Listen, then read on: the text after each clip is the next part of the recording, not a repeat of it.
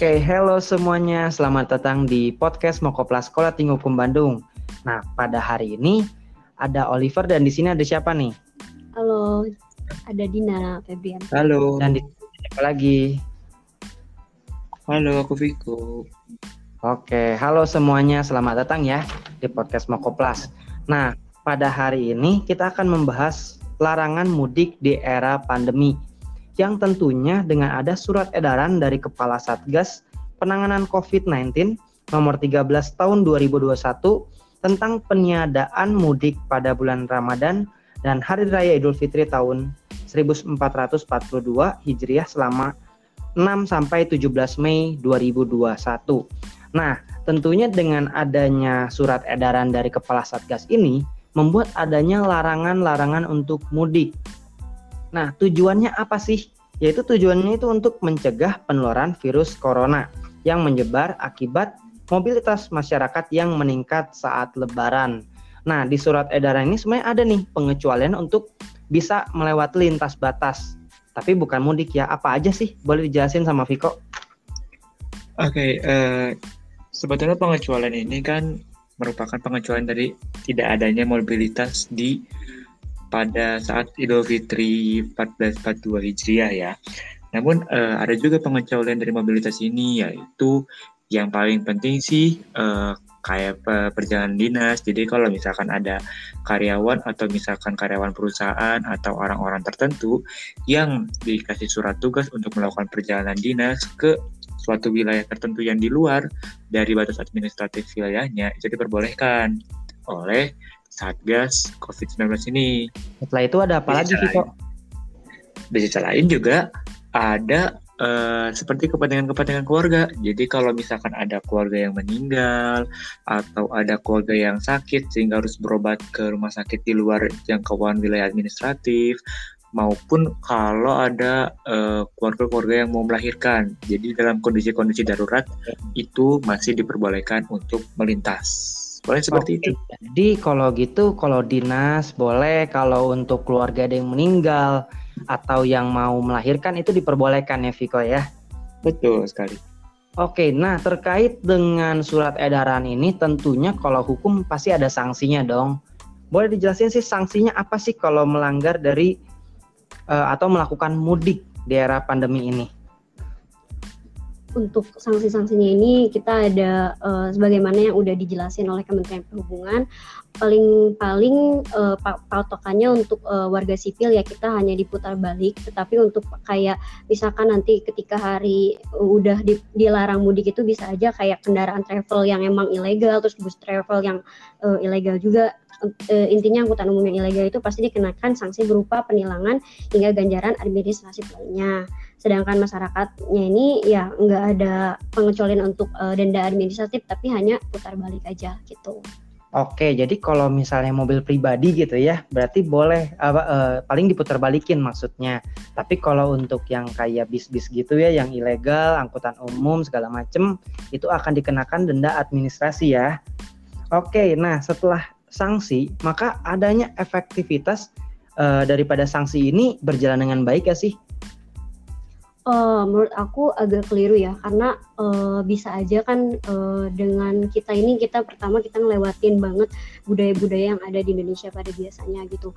Terus uh, keliru juga sih untuk larangan mudik ini karena bisa aja misal nih kita dari Bandung akhirnya kita mau mudik ke Garut tapi bisa aja karena uh, pemerintah ini kan sebenarnya nggak ngelarang untuk pariwisata. Nah, bisa aja ada masyarakat ini yang mengakal-ngakalin dengan cara dia hanya bilang uh, dengan cara dia hanya uh, pariwisata misalkan dia pergi ke derajat gitu tapi pada dasarnya dia bisa aja dia mudik gitu. Nah itu kan sebenarnya kurang efektif ya kalau untuk dilarang bisa aja dia dengan akal-akalin karena ya masyarakat uh, dengan segudang idenya gitu bisa aja membohong-bohongi pemerintah gitu.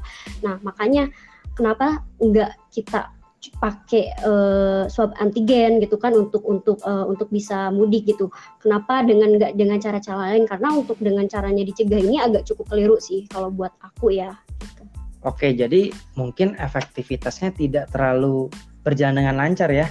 Karena seperti yang kita ketahui, ternyata eh, Kementerian dari Pariwisata itu udah memperbolehkan pariwisata lokal. Nah, kalau anggapan kita dari orang Bandung, kita pergi ke Garut itu masih diperbolehkan, tapi dengan dibilang pariwisata padahal bisa aja mudik ya kayak gitu.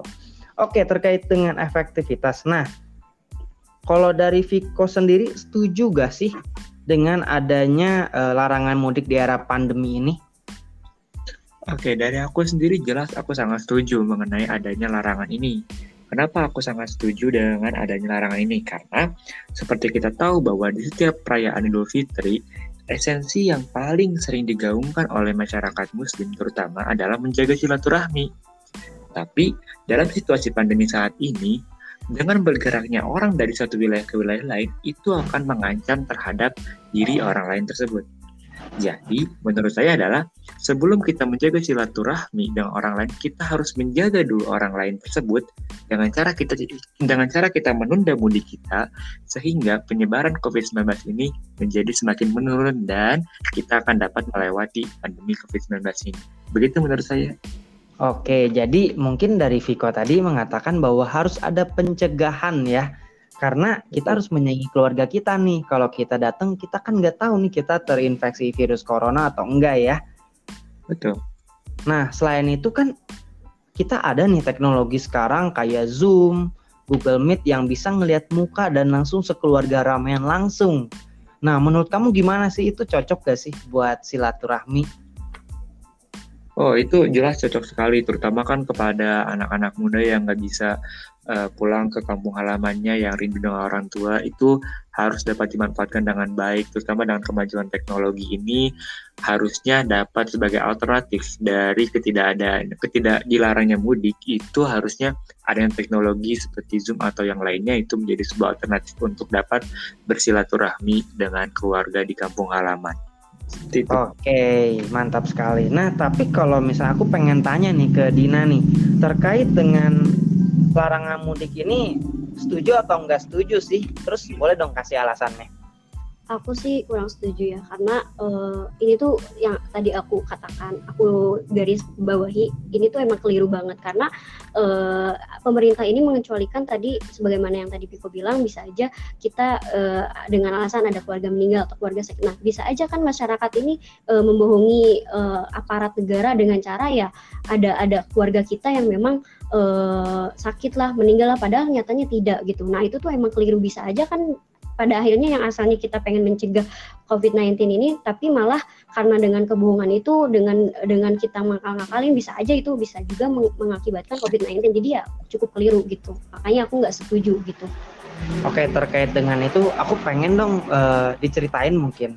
Kalau misalnya uh, mudik itu ngapain aja sih uh, mudik itu biasanya yang uh, sebagai budaya sebagaimana yang biasa kita lakuin gitu ya untuk umat muslim biasanya kita sholat id bareng gitu bersama keluarga terus ditambah uh, karena terus ditambah juga kan kalau misalkan di kampung-kampung pun kita memang masang protokol kesehatan juga kan protokol kesehatan. Terus otomatis ya itu pasti terjaga juga. Terus uh, kita ini ada budaya kayak kita datang ke keluarga gitu. Karena biasanya kalau di kampung-kampung ini rumah sama keluarganya kan suka beda-beda. Nah itu tuh untuk mengurangi rasa kangen kita selalu datang untuk silaturahmi ditambah dengan itu sama ya makan-makan lah ketupat dan lain-lain kayak gitu.